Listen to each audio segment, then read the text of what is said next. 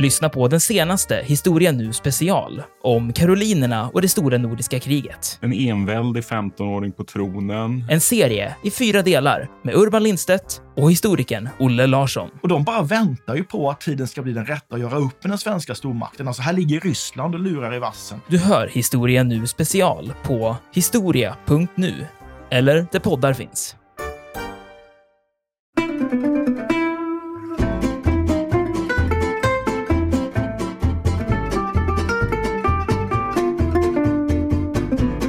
För skepp som kommer in så finns det alltså källor som påstår att man konfiskerade böcker, transporterade dem till biblioteket där man undersökte och bedömde dem.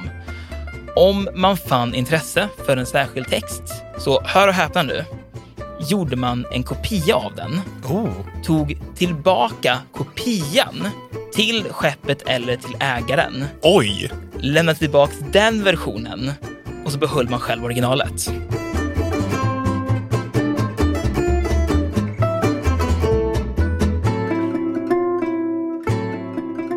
En oväntad historias sommarvikarier Aron Schurman och Viktor Wallén är två poddare som tagit allt för många akademiska poäng i historia. I sommar vikarierar de under sex veckor för Olle och Andreas.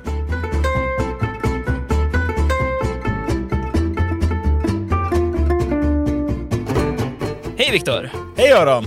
Det är ju du och jag som leder de här kommande sex avsnitten av En oväntad historia, medan Olle och Andreas läser alla tänkbara böcker inför höstens oväntade historier.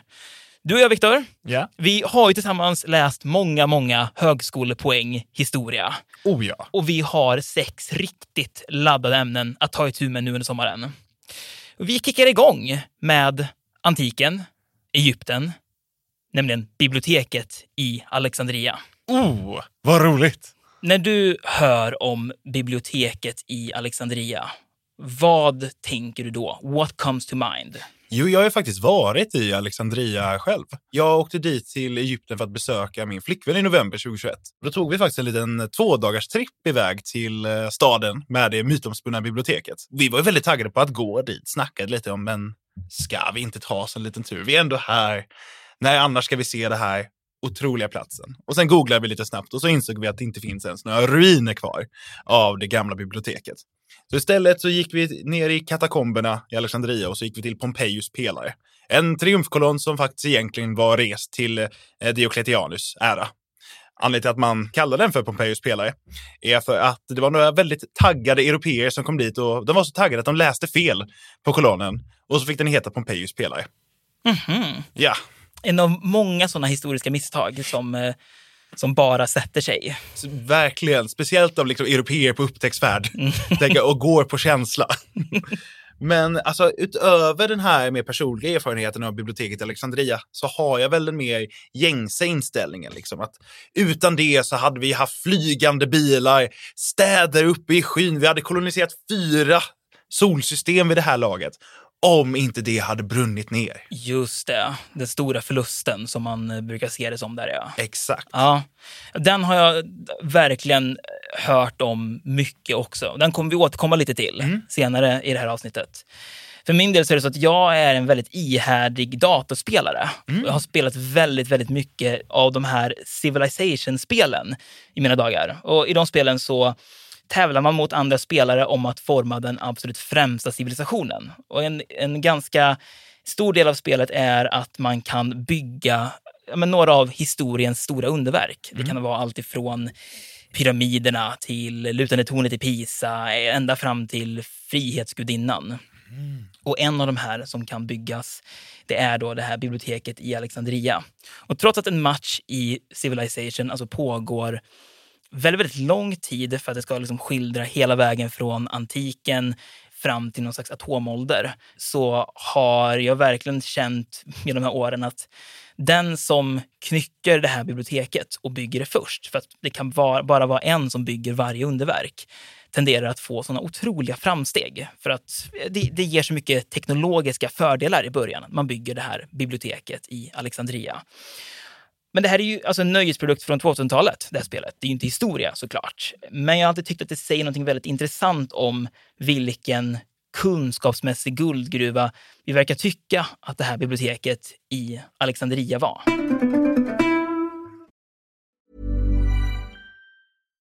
One size fits all seemed like a good idea for clothes Nice dress. Uh, it's a it's a t-shirt. until you tried it on. Same goes for your healthcare. That's why United Healthcare offers a variety of flexible, budget friendly coverage for medical, vision, dental, and more. So, whether you're between jobs, coming off a parent's plan, or even missed open enrollment, you can find the plan that fits you best. Find out more about United Healthcare coverage at uh1.com. That's uh1.com. I'm Sandra, and I'm just the professional your small business was looking for. But you didn't hire me because you didn't use LinkedIn jobs. LinkedIn has professionals you can't find anywhere else, including those who aren't actively looking for a new job but might be open to the perfect role, like me. In a given month, over 70% of LinkedIn users don't visit other leading job sites. So if you're not looking on LinkedIn, you'll miss out on great candidates like Sandra. Start hiring professionals like a professional. Post your free job on linkedin.com/people today. You should celebrate yourself every day, but some days you should celebrate with jewelry. Whether you want to commemorate an unforgettable moment or just bring some added sparkle to your collection, Blue Nile can offer you expert guidance and a wide assortment of jewelry of the highest quality at the best price. Go to BlueNile.com today and experience the ease and convenience of shopping Blue Nile, the original online jeweler since 1999. That's BlueNile.com. BlueNile.com.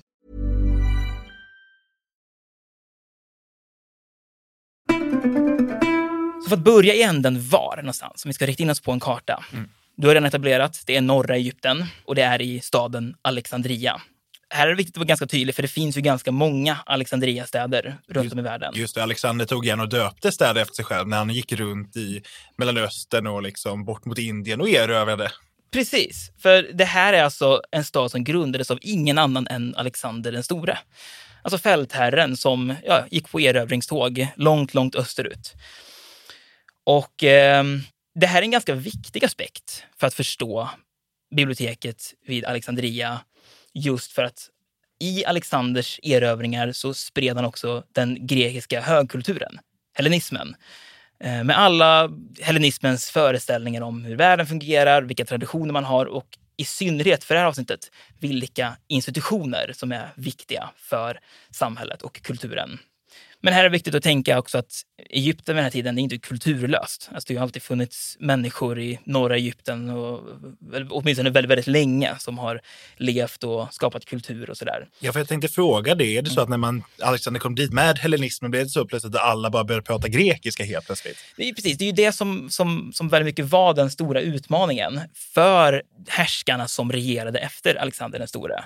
Så det som händer är att Alexander den store dör, alltså ganska ung ändå. Han är, han är ja, väldigt ung, har bara egentligen erövrat hela sin regeringstid över det här makedonska riket. Eller liksom det, det rike som mynnar ut i den här hellenistiska kultursfären som det sen blir.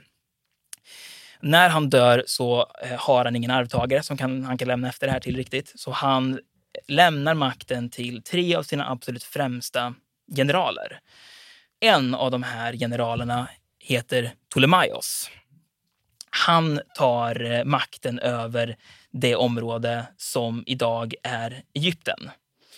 När Ptolemaios tar makten över Egypten och tar ja, men också makten över Alexandria som är en av de absolut viktigaste städerna i det här området. Det har kommit att bli en väldigt stor stad, något av en, liksom en knytpunkt, en centralort egentligen för hela den här hellenistiska kultursfären som då, ja men man kan förstå det som östra medelhavet ganska mycket. Det som innefattar allt från södra Grekland till norra Egypten till liksom Perserriket. Precis. Där, där österut, de områdena. Bort till floden Indus i Indien. Liksom. Ja, men precis. Där blir ju då problemet. Hur går man tillväga när man tar över?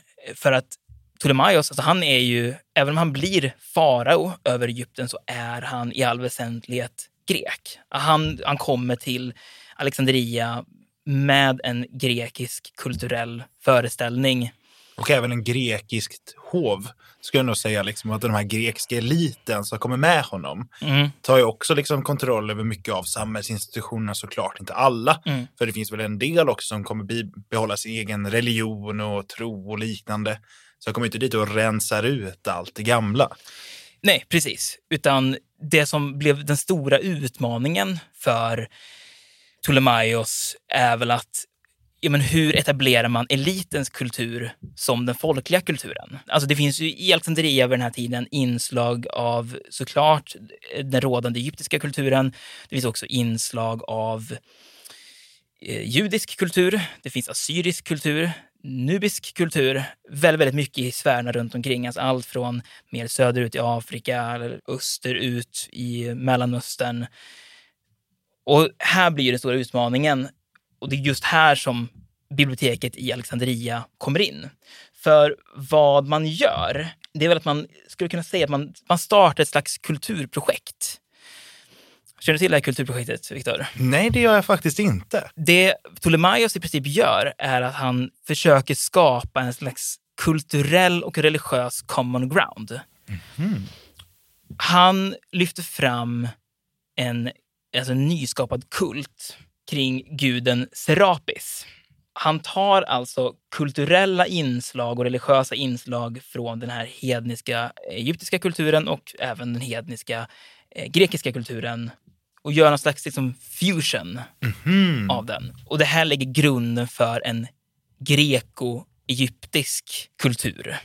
Och i och med det här, så i Alexandria, så gör man stora, stora satsningar. Ptolemaios gör de här stora satsningarna där han bygger olika hellenistiska kulturinstitutioner, men som backas upp av den här nya greko-egyptiska kulturen som är väldigt speciell för den här delen.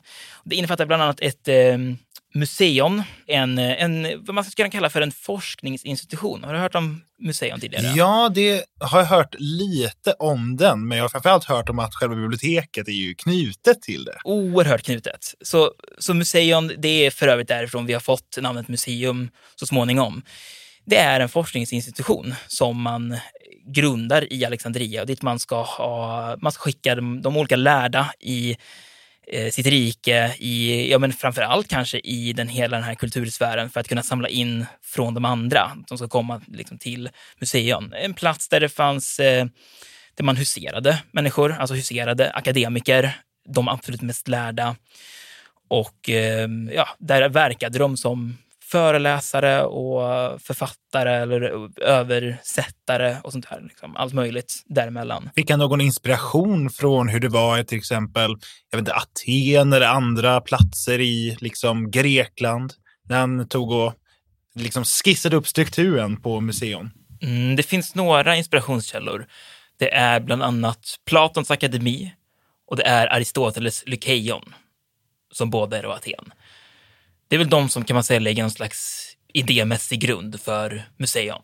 Precis, men vad som verkar låta lite nytt här är att eh, visserligen finns det säkert stora pergamentrullar och det är liksom akademiker som pratar med varandra och utvecklar sina teser så fick jag alltid för mig att de skulle vara väldigt mycket mer muntligt lagda. Liksom. Att man gick runt och diskuterade och man skulle hålla allt i huvudet. Liksom. Medan i Alexandria så såklart de gjorde det också, men Mm. just den här samlingen av skrifter verkar ju vara ett enastående stort åtagande för den tiden. Det är ju i synnerhet det som också gör den alltså, så, så himla unik. För att det här är en väldigt viktig fråga som jag tycker är väldigt, väldigt värd att stanna upp vid. Varför är det här biblioteket så intressant? Var det det första i världshistorien? Och det kan vi ju ganska snabbt säga att det var det inte. Det, det fanns alltså andra bibliotek i den här hellenistiska sfären. Det har funnits bibliotek alltså hela vägen tillbaka till 3000-talet före Kristus i Ur och Uruk, alltså i gamla Mesopotamien. Det har funnits länge. Många kända bibliotek också. Den assyriska krigarkungen Ashurbanipals eh, kungliga bibliotek där han samlade Gilgamesh-eposet, bland annat, som han eh, förvärvde oftast genom militära hot. Han erövrade till sig olika verk. Det som gör biblioteket i Alexandria unikt, det är dels ett väldigt genomtänkt organiseringssystem. Alltså det här är en av de absolut första samlingarna av texter som påminner om hur vi idag förstår bibliotek. Alltså att det är väldigt systematiskt och det är byggt efter att snabbt hitta det man söker på alla sätt och vis. Just det, så man kan veta att flera böcker, de handlar om olika saker, men de alla beskriver typ stjärnorna. Precis, just det. Alltså det här är saker som vi vet väldigt intuitivt, bara att begreppet är för många väldigt främmande så. Just det. Men jag skulle säga att det som skiljer Alexandrias bibliotek, det är ju då den här ämnesorienteringen. Mm. Vet du ungefär vilka ämnen man brukade ordna upp kring? Ja, men så som jag har förstått det så var det kring alltså astronomi, matematik, lyrik och filosofi. Enklare indelningar så som vi ser det idag, men som då underlättade säkert enormt för de eh, bibliotekarie, eh, bibliotekarier, akademiker, alla som behövde komma åt de här texterna förstod att just det, men den här personen skrev om astronomi och skrev om stjärnorna. Det kan jag hitta i den gången. Perfekt. Underlättar folks arbete något så enormt. Mm. Kan jag tänka mig. Ja, och, och som du säger, det, det, det är väl därför vi också tycker det är så intressant. För den, det här biblioteket grundlägger ju den här idén. Och för det ska ju sägas att det är ju inte naturligt att vi ska förstå saker efter ämnen. Det är ju ett sätt att göra det på. Och ganska fascinerande är det då faktiskt, tycker jag. Det är att när man tänker på att det här biblioteket ju har sin grund i hellenismens idéer. Alltså, som vi har sagt, Alexander den stores gamla rike. För hade det inte varit intressant, Viktor, om en av filosofihistoriens främsta personer, främsta tänkare, när det bland annat kommer till organisering av kunskap och vetenskap, hur man systematiserar och sätter samman den här omfattande vetenskapliga bilden, hade det inte varit intressant om inte han också var ett förled i hela den här processen. För så är det ju faktiskt. Aristoteles, som jag med gåtor Ja, snackar mig omkring just nu. Ja. han råkade också vara Alexanders lärare. ja men just det, ja, det var han. Vi kan ju inte veta om det faktiskt är så att Aristoteles idéer har rört sig så hela vägen från Alexander till Ptolemaios till de här liksom, bibliotekarierna som antagligen instiftade det systemet. Men man kan ju ändå känna av något slags liksom, idémässigt arv där. Just det, och också en vilja att sortera kunskap för Mm. att man har insett någonstans att det här är mycket lättare Mm. eh, och mycket mer behändigt. Och varför är det så viktigt för det här biblioteket att sortera upp kunskap? Jag gissar för att det är så jäkla mycket skrifter som de får in. Det är så mycket skrifter och det är för att biblioteket i Alexandria hade en, alltså till ännu den här dagen, ett väldigt, en väldigt unik ambition, en väldigt storslagen ambition. Mm. Du har säkert hört om den. Det är att man ska samla in all världens kunskap. Oh, de ville vara antikens Google. I princip motsvarande, ja. Och Det här är ju väl en, en vetenskapssyn som jag skulle säga ganska mycket det finns ju spår av den kvar än idag, det här att eh, vi ska kunna veta allting. Alltså, det är ju så vi egentligen ser på, på internet fortfarande och de, de förhoppningarna som man eh, verkligen har satt till internet. Här samlar vi nu all världens kunskap. Jag tror att det är en del av det som befäster det här biblioteket som en sån mytomspunnen institution och gör att det verkligen sticker ut bland de andra antika biblioteken. För det är ju en oerhört fascinerande ambition. Frågan som jag fastnar vid är, tänker jag bara, hur ska det gå till? Alltså hur, hur gör man rent konkret? Hur påbörjar man den här processen av att bara så, nu ska vi sätta igång och bara samla in allting? Alltså var, ja, i vilken ände börjar man egentligen? Ja, men jag tänker väl att man tar och skickar liksom eh, antika brev eh, till eh, liksom sina intellektuella gelikar liksom runt om i den lärda världen, runt i varenda hörn i den hellenistiska kulturens sfär liksom och säger hej, kan ni skicka era skrifter till oss? Mm. Men jag gissar också på att de inte alltid var så taggade på att göra det. Nej men absolut, man använde den hellenistiska kultursfären alltså väldigt, väldigt mycket. Bland annat så förvaltade man väldigt, väldigt mycket pengar i att kunna köpa in böcker. Man skickade i princip ämbetsmän ut i stora vida världen med stora summor pengar med målet att köpa så många böcker de kunde om vad som helst, författade av vem som helst. Alltså allt skulle in. Oj, så verkligen varenda, både kreti och pleti kunde ta och få in en bok i biblioteket i Alexandria. Ja, precis. Det förutsatte att kreti och pleti kunde skriva. Ah, just det. Det fanns en, en naturlig utsållning för dem. som, eh, som jag tror de verkligen tog för givet. Just Om det. man ska se någonting åt hur mycket lättare det var för dem att samla in all världens kunskap på den tiden än vad det skulle vara idag. Allt de kunde komma åt, det skulle systematiseras in i biblioteket och förvaltas där för att man skulle samla all världens kunskap. Man reste till Aten och Rhodos och till olika sådana stora ja, ställen där lärda samlades för att köpa böcker. Och det här, ska jag säga, det här för mina tankar väldigt osökt till en väldigt fascinerande kuriosa jag stötte på för en väldans massa år sedan. Som är ett, jag tror det här är ett bra exempel på just hur ytterligare bara en del av det här märkliga biblioteket som har satt sig och blivit intressant i, i eh, populärkulturen. Som en van internetsurfare så har jag stött på ganska många så kallade fun facts, sådana små munsbits trivia, sånt som delas runt på sociala medier. Och då läste jag om en gång om att biblioteket i Alexandria, de skulle inte bara samla in all världens kunskap, utan de skulle i synnerhet göra det i original. Inte bara i kopia.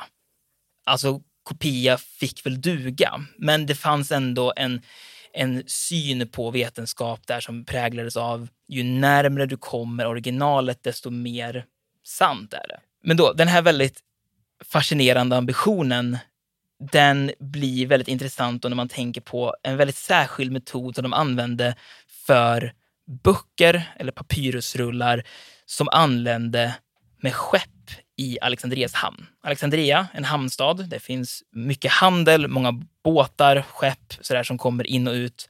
Och för skepp som kommer in så finns det alltså källor som påstår att man konfiskerade böcker, transporterade dem till biblioteket där man undersökte och bedömde dem.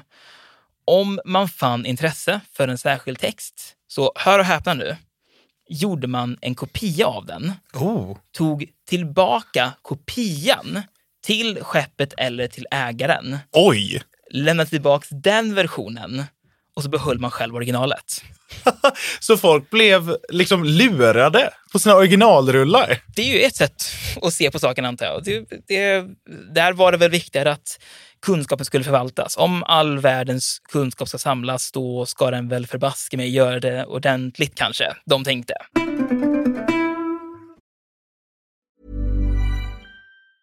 When you're ready to pop the question, the last thing you want to do is second guess the ring.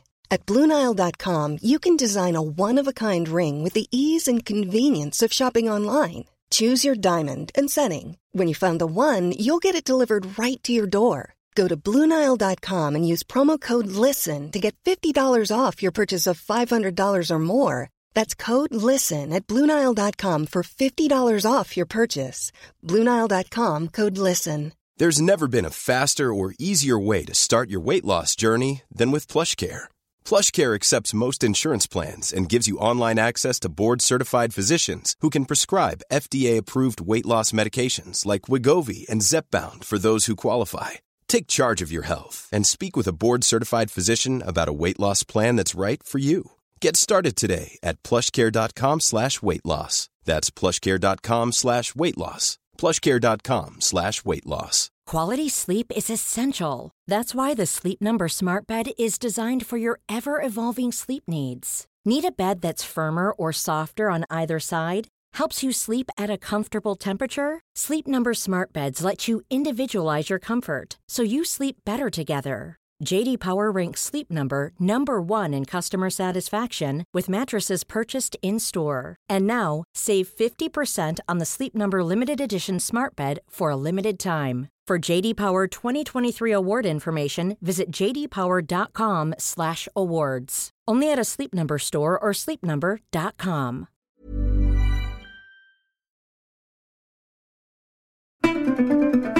Men tillvägagångssätt och sidan. En fråga som naturligtvis väcks i och med det här är hur mycket text fanns där?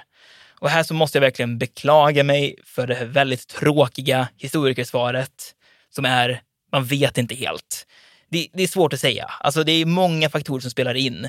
Det kan handla om allt om hur mycket text som liksom ett verk bestod av. Böcker på den tiden var ju inte så som vi förstår böcker idag, bok, alltså bundna böcker, utan böcker var ju ofta, bestod ju av en viss samling papyrusrullar. Och sen så vet man ju inte heller riktigt hur trovärdiga källorna var om hur många böcker som samlades. Alltså den, den vanliga summan som man brukar tala om är att det ska ha funnits 500 000 böcker. Men det är en summa som har betvivlats. Och det är just för att ja, men man vet inte hur trovärdigt det är. Kan det fått plats så mycket böcker? Och eftersom det inte finns några ruiner kvar heller så kan jag tänka mig att det är svårt att kunna säkerställa någonting. Och kan, om det är någon som säger att det fick plats 500 000 så kan man inte fact-checka det Nej. i ruinerna. Nej, det är jättesvårt att göra. Alltså det, kanske är det så att den här siffran 500 000, det kanske bara åsyftar antalet papyrusrullar. Alltså inte böcker som ju består av Mm. flera papyrusrullar, utan kanske bara det. Oavsett vad. Alltså det här är ju ytterligare en väldigt mystifierande aspekt av biblioteket som vi får lägga i vår lilla historiekorg. Verkligen. Och ja, men det har ju också fått så mycket, mycket mytiska föreställningar med tanke på så här, vilka det är som kan ha... Det talas ju om väldigt stora tänkare som har varit där. Hypatia exempelvis. Ja, men precis. Till där. Hypatia som gjorde vad då? Ja, Hypatia hon var en kvinnlig matematiker och filosof som var aktiv under det sena 300-talet och tidiga 400-talet efter Kristus. Hon var dotter till föreståndaren för Museum, eh, då det här forskningsinstitutet som biblioteket var knutet till, och en av de första kvinnliga lärarna som är kända. Eh, och hon blev ansvarig för den matematiska fakulteten vid Museum faktiskt. Alltså hela Medelhavets elit helt enkelt åkte dit un- under en period när också romarriket höll på att kristnas. Liksom. Men Hypatias död kom väldigt brutalt. Det var de kristna som gjorde det och enligt Sokrates Scholasticos, en känd historiker, så skriver han så här om hennes död. Citat. De släpar henne in i kyrkan som kallas cesarium, klär av henne naken, skrapar på huden och sticker skarpa snäckskal i hennes kropp tills livet flyr henne. Så delar de hennes kropp i fyra delar och för delarna till en plats vid namn Kinaron, där de bränns. Slutcitat. Man har också en version där de kristna flår henne med tegel. Det var ett hemskt öde då för en väldigt framstående smart kvinna. Och om man inte bara ser till liksom det här akademiska, intellektuella och även lite filosofiska arvet som Hypatia är känd för. Eh, Hon var aktiv inom den nyplatonska skolan. Eh, Men då kan man också se en referens till henne om man läser Bamse. Mhm. För det är faktiskt så att seriefiguren Skalman, skapad av allas vår älskade Rune Andreasson, Skalman har en mening uppsatt på väggen i sitt hus.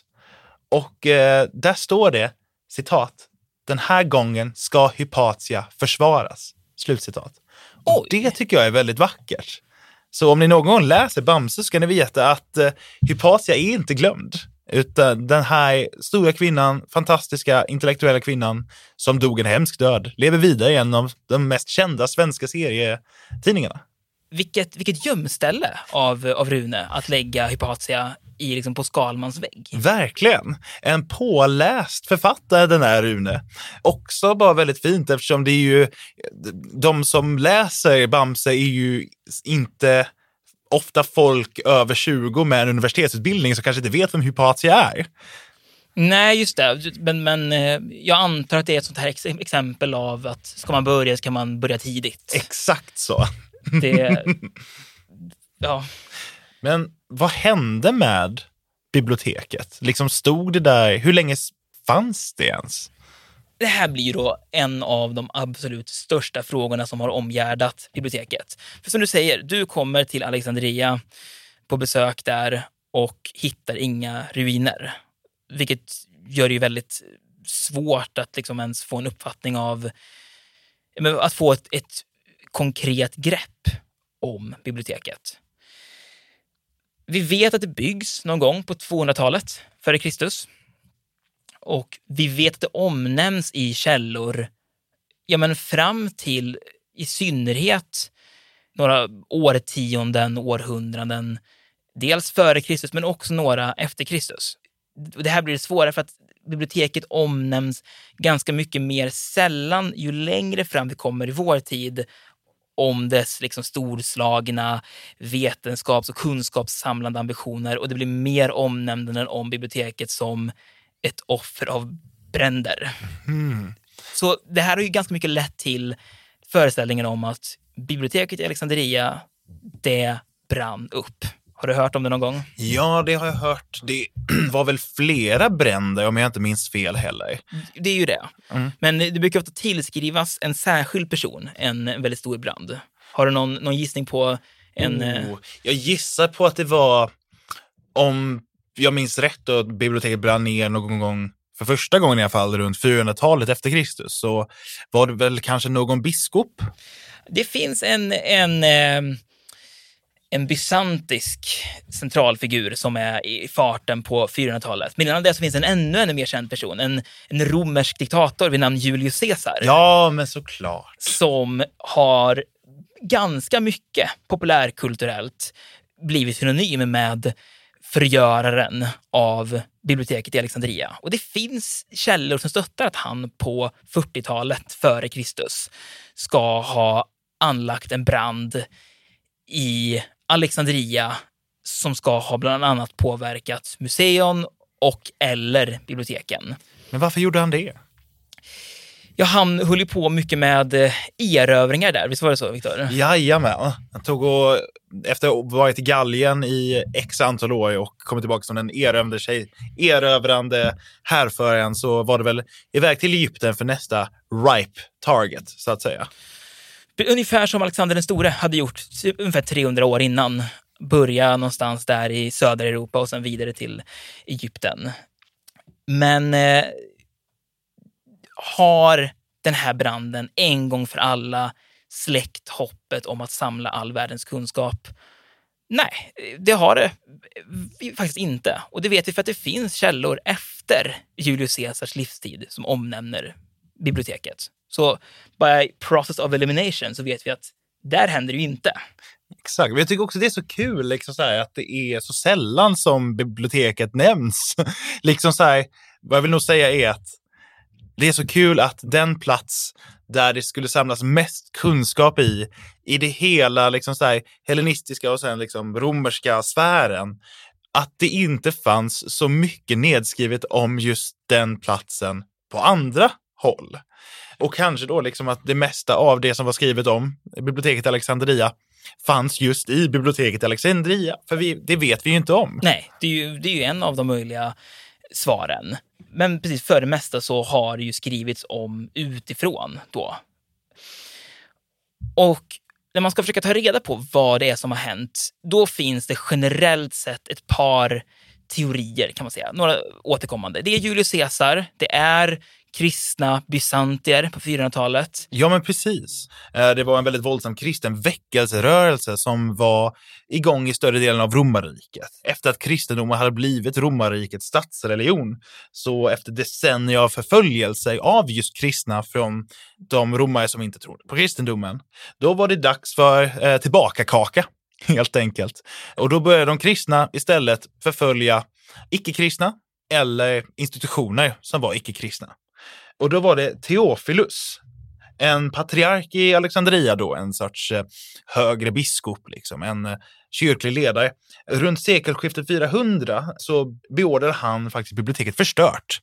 Och eh, då blev det inte helt förstört, men det tog definitivt en rejäl skada, som vi har pratat om lite tidigare, att det gjorde mycket om och till.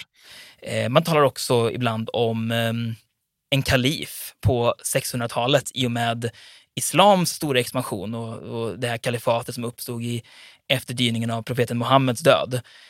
Det är också en föreställning, men som generellt sett egentligen bara lever kvar från källor som författades under korstågen. Där man då Mhm. kanske lite lätt kan säga, också bör sägas källor av kristna aktörer. Just det, så lite propagandasyfte för att säga hur barbariska är inte de vi slåss mot. Precis. Så ska man ge ett svar på vad det är som har hänt, då är det ju egentligen någonstans att antagligen så har det bara gått ur tiden. Någonstans. blev okult. För att som vi var inne på tidigare, man bygger biblioteket av en väldigt särskild anledning. Att visst, det ska samla all världens kunskap, men det är också ett kulturprojekt för att samla en hel, ett helt rike kring. Alltså ett helt liksom, hellenistiskt Egypten kring. Där kommer biblioteket in som en väldigt, väldigt viktig institution. Men när liksom de här omständigheterna förändras, om, ja men säg att eh, Julius Caesar kommer på erövringståg och eh, kommer med en romersk kultur och har en helt annan, ett helt annat sätt att bygga imperium på, ja men då kanske inte biblioteket blir lika relevant. Byggnaden där liksom biblioteket och museum, de här komplexen fanns, ja men de kanske fanns kvar, de kanske blev utsatta för bränder, kanske plundrades här och var. Men jag tror snarare att man ska kanske förstå biblioteket som någonting som helt enkelt gick ur tiden och långsamt, långsamt vittrade bort. Just det. Men så, det här biblioteket, det är ju alltså oerhört speciellt på många sätt. Alltså det, det inte minst kanske för sina rykten. Alltså, det här man säger på 200-talet före Kristus, nu ska vi samla in all världens kunskap kanske bara för den hellenistiska världen, kanske bara för de som kunde skriva, det vill säga väldigt, väldigt få mm. i den, men ändå väldigt, väldigt storslaget för den tiden. Och ja, men det ryktas ju om 500 000 böcker, vilket är enormt. Ja. Och det är också intressant att se att även där så, även om det inte bara liksom är vi en slags internetkultur som har eh, nästan fetischerat eh, biblioteket Alexandria och dess betydelse för mänskligheten och om det inte hade brunnit ner. Eh, dess närvaro kan också märkas av liksom i lite mer ja, men, gemen kultur, lite mer finare populärkultur än kanske internet-memes som är så som många av oss eh, killar i alla fall blir introducerade i biblioteket. Alltså, vad, vad tänker du för någonting? Eh, då tänker jag att med Hypatia som den här intellektuella personen från liksom, biblioteket Alexandria, hon som är representant därifrån kan även leva vidare i annan populärkultur än bara civilization eller ja, memes på internet. Mm, mm. Ja, men precis. Och det, det är väl verkligen också representativt för det här biblioteket som helhet. För det, det är verkligen det det har gjort. Och det är väl kanske i synnerhet därför vi sitter här idag och förkovrar oss i det här biblioteket. För att det är så fascinerande, det är så spännande, men också för att det har ju fått en sån mytisk status. Alltså det här nästan lite historieältandet som, som har uppstått ifrån det. Men skulle du säga, Viktor, om du, om du försöker tänka lite filosofihistoriskt här. Mm. Är det så att vi hamnade tusen år efter i vår teknologiska utveckling för att det här biblioteket glömdes bort eller har liksom förvanskats under historiens gång, oavsett om det var en brand eller inte. Även om det nu bara har vittrat bort med historiens tid. Har det här liksom, ska, vi, ska vi förstå det här som att hade det inte varit för det, då hade vi haft flygande bilar eller Marskolonier eller världsfred eller vad som helst. Ja, alltså jag tror ju att det, vi absolut inte skulle ha flygande bilar eller ha varit ännu mer utvecklade än vad vi är nu. Utan som du själv sa, liksom, så väldigt mycket av de här papyrusrullarna som kom till biblioteket fick, fick i alla fall minst en kopia tillbaka skickad till sina originalägare. Texter har en tendens att sprida sig, om inte annat kommer kunskapen från dem att sprida sig muntligt via personer i den här antika liksom, perioden som väldigt ofta också, mer än något annat, var tvungna att kunna saker muntligt och ur huvudet, för det var en muntlig kultur.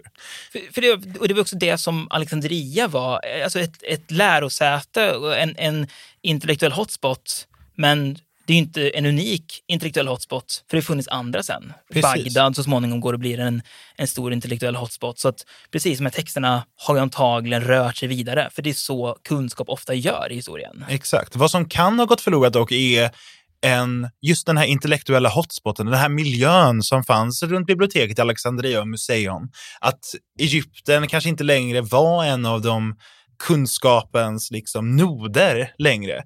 För att biblioteket försvinner, museion liksom tappar relevans. De lärda söker sig till Rom eller till andra städer och platser. Som, och att den, då kanske det något annat hade kunnat uppstå där om det fanns kvar. Men det vet vi inte heller.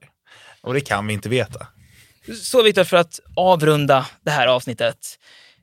Biblioteket i Alexandria, det var ett högst intresseväckande bibliotek. Alltså dels för den storslagna kunskapssamlande ambitionen. samla all världens kunskap på en plats. Dels för de väldigt mystiska och i synnerhet mytiska omständigheterna runt biblioteket som har skapat det här storslagna ryktet. Med största sannolikhet så var det alltså inte kunskapens högborg som historiens intellektuella försvarade med näbbar och klor från de hänsynslösa och okunniga barbarerna eller från illvilliga generaler, alltså så, tills det en dag full i en massiv brand eller stormades av en upprorisk mobb. Alltså, mer troligt så det gick ur tiden. Hotboten lämnades där. Det full under andra styren och fick andra funktioner. Ja, men att eh, det bara blev inte relevant längre. Inte på det sättet så som vi förstod det där på 200-talet före Kristus, när det först byggdes. Så var det ett väldigt mytomspunnet bibliotek med storslagna ideal. Ja, det var det ju. 100 procent. Gick man miste om massa kunskap när biblioteket långsamt vittrade bort genom historien? Kanske inte. Troligtvis inte. Hade vi haft kunskapen om flygande bilar idag om dessa texter fått bevaras? Absolut inte. Tack Viktor för den här gången. Tack själv Aron. Det har varit väldigt, väldigt trevligt att vara här. Nästa vecka, då har vi lämnat antiken och Medelhavet. Då riktar vi oss mer norrut och även hitåt mot Sverige och 1900-talet. För som sagt, i de här kommande fem avsnitten av En oväntad historia så är det alltså jag och Viktor som håller historisk låda. Och då hörs vi nästa vecka igen. Tack för att du lyssnat. Hej då! Hej då!